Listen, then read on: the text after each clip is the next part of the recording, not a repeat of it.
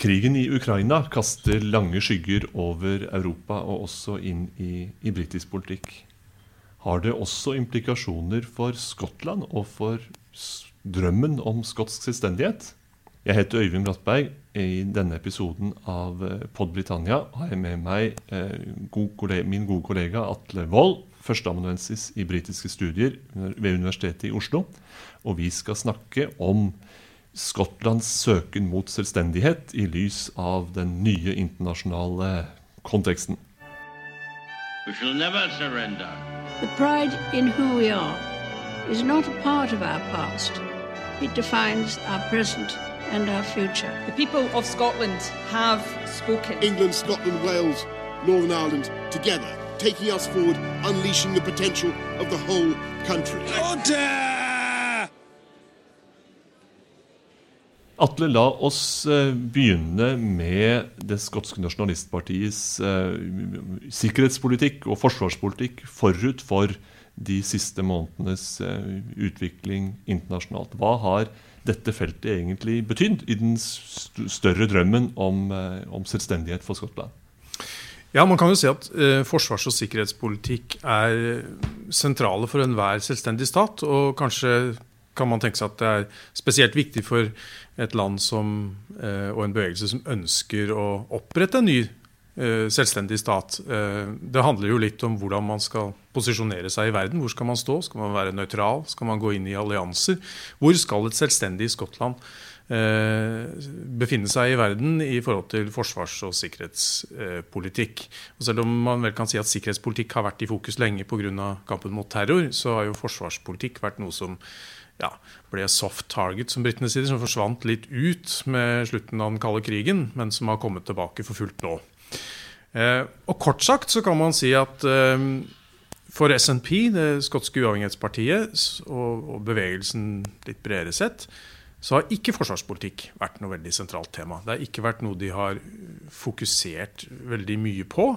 Eh, det har vel egentlig ikke vært deres sterkeste kort for selvstendighet. Det er andre ting de har valgt å, eh, å, snakke om. Og i noen grad kan nok det handle om at uh, det rent sånn taktisk velgermessig sett kanskje ikke har vært det beste kortet å dra. Uh, det har f.eks. vært påpekt at en god del av av hæren i Skottland, eh, selv om det er egne skotske regimenter, har sett på seg veldig som en del av den britiske hæren. Og at å begynne å snakke om eh, et selvstendig skotsk forsvar, eh, Scottish Defence Force, ikke er noe som nødvendigvis faller i god jord i forsvarsetablissementet i Skottland heller, da. Men så kan man likevel si at um, det har vært noen sentrale pilarer i SNPs forsvarspolitikk. Eh, den første og viktigste er motstand mot atomvåpen. Den andre er motstand mot Nato-medlemskap, selv om det har svingt litt.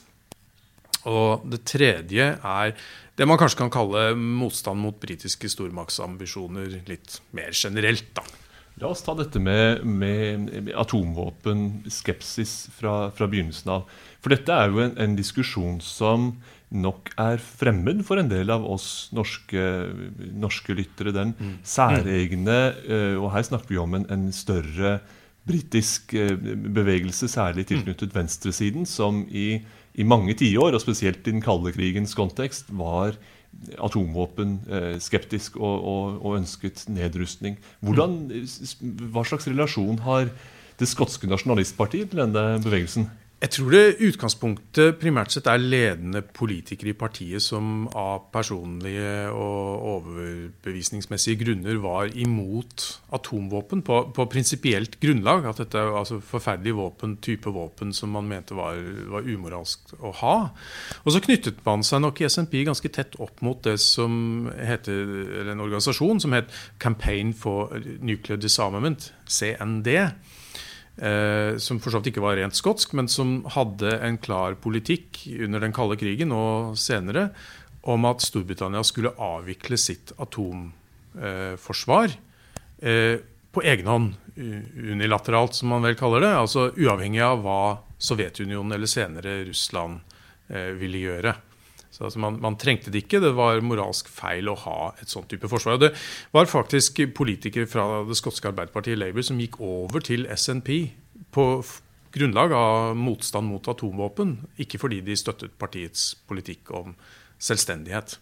Så dette har vært et sentralt eh, tema for partiet, er det fortsatt.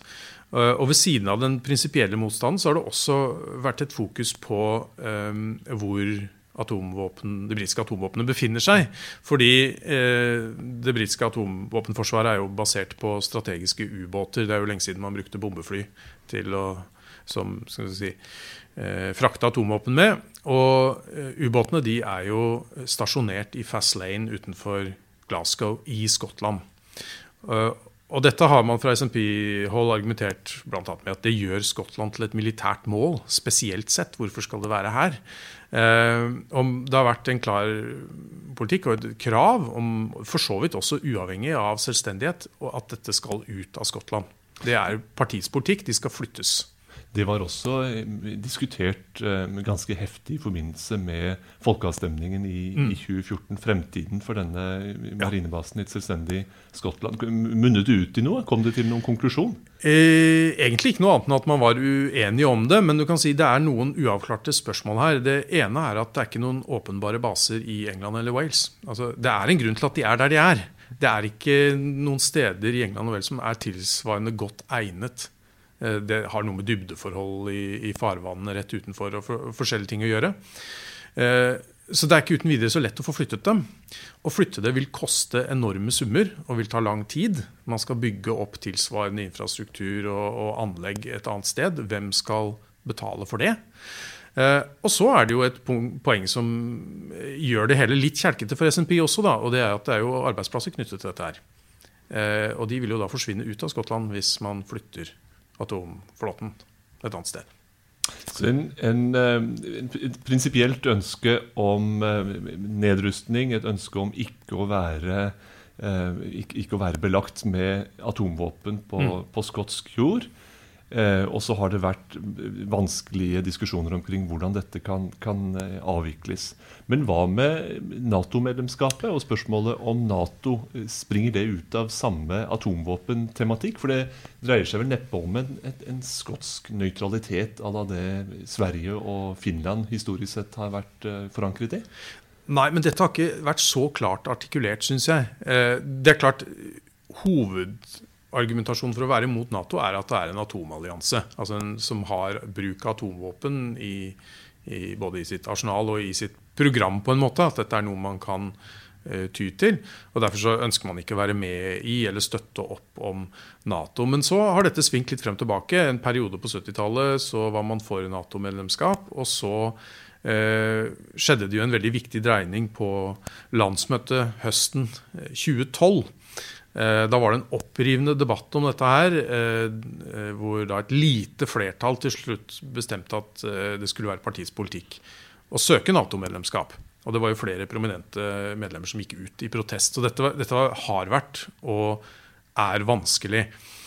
Noe av poenget her er vel at hva slags posisjon skal Skottland ha hvis de ikke skal være i Nato og skal være selvstendig? Det kan jo være nøytralt, sånn som Irland, og i stor grad under Storbritannias forsvarsparaply uansett.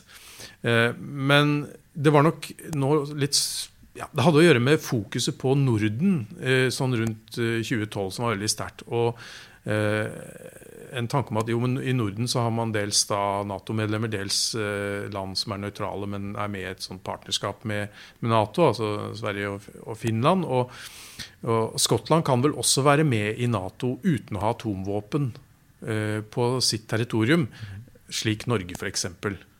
har. Eh, så på det tidspunktet ble det besluttet at dette var vel en god strategi, men eh, det bør jo likevel på en del utfordringer, særlig med hvis man insisterte på at uh, det britiske atomforsvaret skulle ut. Ville det kunne forkludre en søknad om Nato-medlemskap for et selvstendig Skottland, f.eks.? Så kan man jo si at eh, å være med i Nato vil jo på en måte si at man fortsatt kanskje ganske tydelig er under den britiske forsvarsparaplyen. Da. Så der er det kanskje penger å spare på hva man skal bruke på forsvar selv. Dette var jo i forbindelse med folkeavstemningen i 2014 diskutert på litt sånn hva skal man si, seminarnivå. Hvordan skulle et selvstendig Skottland kunne holde seg med et forsvar uten å være del av en, en, en trygg internasjonal allianse osv. Men i dag er det jo satt, virkelig satt på spissen i, i en tid hvor europeiske småstater søker eh, trygghet og, og ankerfeste. Er det, nå, er det nå kontroverser omkring NATO, tiltenkt Nato-medlemskap i den skotske selvstendighetskampen, eller er det nå nærmest en boks man krysser av, at det, det er en del av pakken? Det har ikke vært noe spesielt fremme i det siste, nei. Og jeg har heller ikke sett at det er mange som, som, prøver å løfte denne debatten på nytt og si at nei, men vi bør ikke være for Nato-medlemskap. Så jeg tror det Man sitter litt stille i båten der. Det måtte i så fall være støttepartiet Scottish Greens, som jo ikke liker dette i det hele tatt, kanskje. Så, øh, men så la man jo for så vidt frem en, en bredere forsvarspolitikk i, eh, i, 2013 med dokumentet 'Scotland's Future', hvor man omfattende eh, program for hvordan et selvstendig Skottland skulle se ut. Og da prøvde man å bygge en mer skal vi si, helhetlig skotsk forsvarspolitikk som skulle fokusere på eh, sjøstridskrefter, først og fremst, som skulle beskytte kystlinjen. Man måtte ha et luftforsvar. Da var det litt sånn uklart om hva man skulle overta fra RAF og ikke. Eh, og man hadde råd til å holde avanserte jagerfly i lufta og sånt noe. Eh, og så skulle man bare ha en veldig liten landstyrke. Det var snakk om 15 000 soldater og 5000 i reserve, hvilket for et land med 5 millioner innbyggere må, må sies å være ganske beskjedent. Så det, eh, det, var nok litt en politikk om defense on the cheap her. Altså at man skal bli med i Nato, man skal kunne bidra til internasjonale operasjoner, som for så vidt også var noe nytt. Dette var man jo ikke så tilhenger av tidligere. Eh, og, og, ha et forsvar, men i stor grad lene seg mot eh, rest Storbritannia. da. Og det spiller jo litt over til det sånn tredje poenget i, i forsvarspolitikk. Altså å, å, markere avstand til britiske stormaktsambisjoner og egentlig intervensjon generelt. Altså, man har jo gjerne trukket frem Irak-krigen i 2003 som skrekkeksempler på hva Skottland må bli med på fordi det er en del av Storbritannia. Nå er det vel ikke så veldig mange ellers i Storbritannia som mener at krigen i, Irak-krigen i 2003 var, noe, var, så veldig bra. I noe fall. At det var en, var en tabbe. Ehm, men det gir SNP ammunisjon til denne argumentasjonen at når man er en del av Storbritannia, så må man være med på ting man helst ikke vil.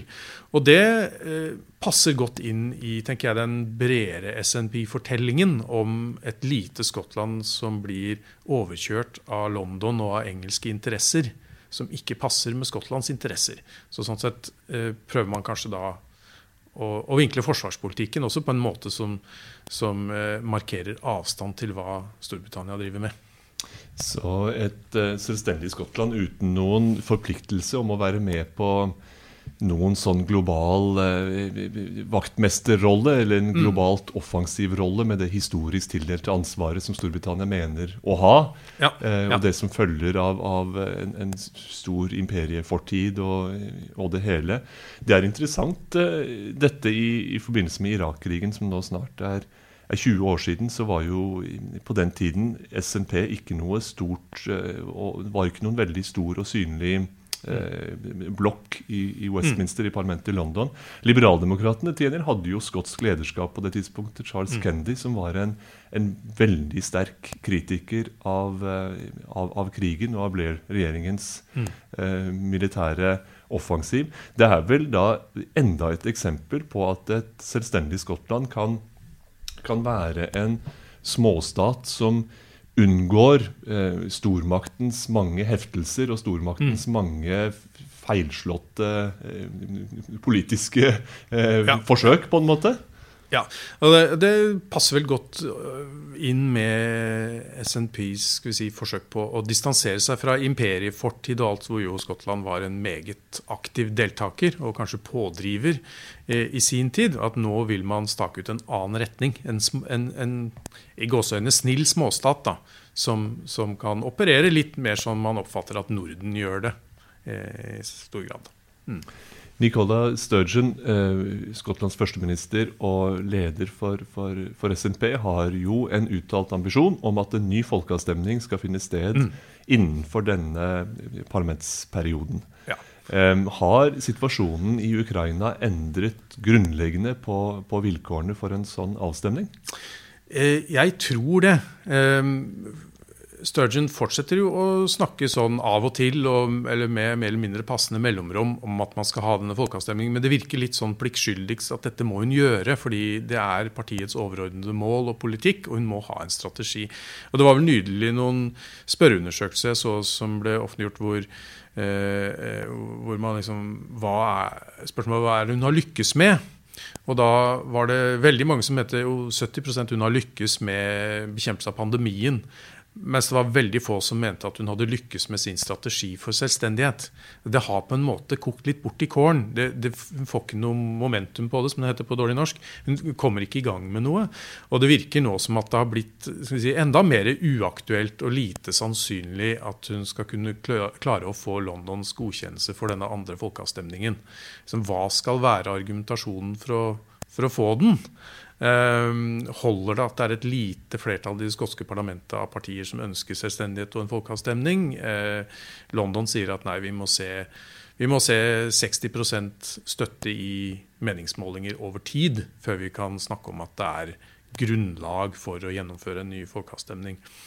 Og så er det jo noe med krisetid og, og, krig at eh, det er ikke tidspunktet for å gjennomføre store konstitusjonelle omveltninger. og eh, Boris Johnson har vel i hvert fall foreløpig blitt reddet litt av en, en, krig hvor han har operert på en måte som vel mange mener er bra. Altså å gi utvetydig støtte til Ukraina eh, militært, men også, også ellers.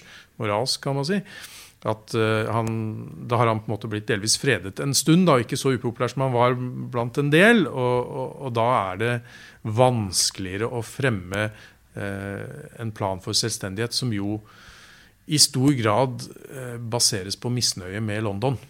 det er liksom det som ofte er SNPs måte å, å trekke det frem på. Det er at vi blir overkjørt av London. London fører en politikk som ikke passer oss. Ja, Nå ser ikke det så klart ut, kanskje i forhold til Ukraina, i hvert fall.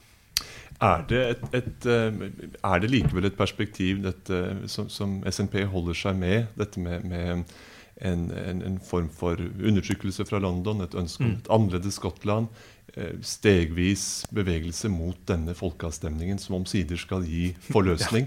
Er det en troverdig strategi å holde fast ved? Eh, jeg, jeg sier det fordi mm. de fleste som studerer politikk, er jo opptatt av sykluser. Altså at, at et, et, um, parti og en bevegelse har en, en storhetstid som etter hvert ebber ut og avløses mm. av en motpart, og at man mm. i de fleste vanlig fungerende demokratier så er det et slikt ballspill mellom partene.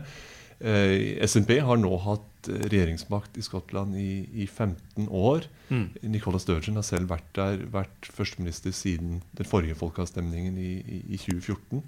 Er det, hva ser du for deg hvis du skal kikke i spåkula, så å si? ja. Er det mulig å, å bygge dette, dette, prosjektet videre uten noen avklaring? Altså skal man fortsette å klatre mot en slik mm. eh, tiltenkt folkeavstemning uten at det eh, skjer noe avgjørende på, på, et tidspunkt? Eventuelt et brudd med hele linja?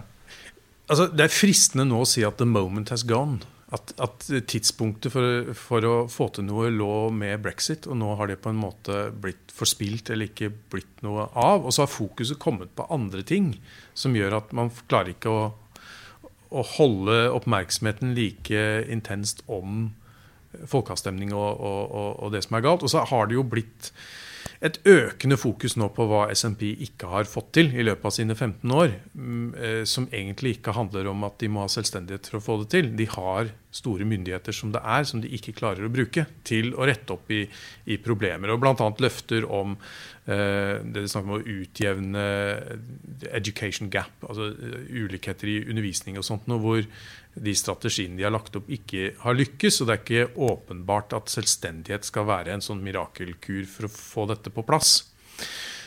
Så det blir nok litt tror jeg, et spørsmål om hvor havner fokuset fremover. For det er jo ikke fritt for at det knirker i unionen, at det er mange uavklarte spørsmål i hvordan Storbritannia skal styres fremover, og forholdet mellom de små landene og det store England og, disse tingene. De kan komme tilbake med full kraft, men akkurat nå er det kommet litt ut i periferien. Så, sånn sett så eh, tror jeg nok SNP nå har litt problemer med å få satt opp en, en klar rute frem mot folkeavstemning og, og selvstendighet. Eh, hvordan, hvordan, skal den være? Hva skal tidsskjemaet være? Hvorfor må man ha en folkeavstemning allerede til neste år? Hva er argumentasjonen for det? Det fremstår ikke like tydelig nå som det gjorde sånn med brexit og de første årene etter det. I eh, London-aviser så spekuleres det, et, uh, spekuleres det, omkring et regjeringsskifte ikke i, mm. i Edinburgh, men i London ved, ja. ved, ved neste britiske parlamentsvalg. Og I den sammenheng så skrives det jo om at en, et mulig skifte i retning Labour neppe vil gi et flertall alene for Keir Starmer og hans, uh, mm. hans parti, og at de vil trenge en en form for ikke koalisjon, men et mm. parlamentarisk grunnlag eh, fra andre støttepartier, mm. inkludert SNP. Og Da skrives det også at, eh, at Labour vil, vil, kreve en, et avklart syn i en eller annen form eh, på, på, det i selvstendighetsspørsmålet, og ikke la seg mm. presse opp mot veggen av, av skotske nasjonalister. Hva tror du om den, den, type forhandlingssituasjon? Hvordan vil de fra Edinburgh forholde seg til det hos Sturgeon og, og hennes parti? Det er jo ikke så lett å se hva SNP har å vinne på å gå i en koalisjon i, i, London. Altså, da er de jo med å styre den britiske staten som de vil ut av. Da får de medansvar. Dette var jo oppe i 2010, når det var snakk om den såkalte Rainbow Coalition, som kanskje kunne dannes etter at Labour jo eh, mistet flertallet. Men så ble det koalisjonen med de konservative og liberaldemokratene i, isteden. Og du var oppe i 2015 som det store ja. som de konservative kunne advare mot. Mm, nettopp. Så uh, at man slipper dem inn. Hmm. Jeg tror nok SMP vil selge seg dyrt, fordi det er ikke så tydelig hva de har å vinne på å, å gå i den posisjonen. Uh, ja. Rett, rett, og slett. Det er min, min spådom. At uh, de, vil, de vil presse på. Og det vil jo være vanskelig for dem å gå med på at uh, ja, da skal vi ikke ha noen folkeavstemning, da skal vi legge ballen død. Uh, hva skal de få igjen for en sånn garanti? Det vil jo være et åpent spørsmål i forhandlingene, vil jeg tro. We shall never surrender. The pride in who we are is not a part of our past. It defines our present and our future. The people of Scotland have spoken. England, Scotland, Wales, Northern Ireland, together taking us forward, unleashing the potential of the whole country. Order!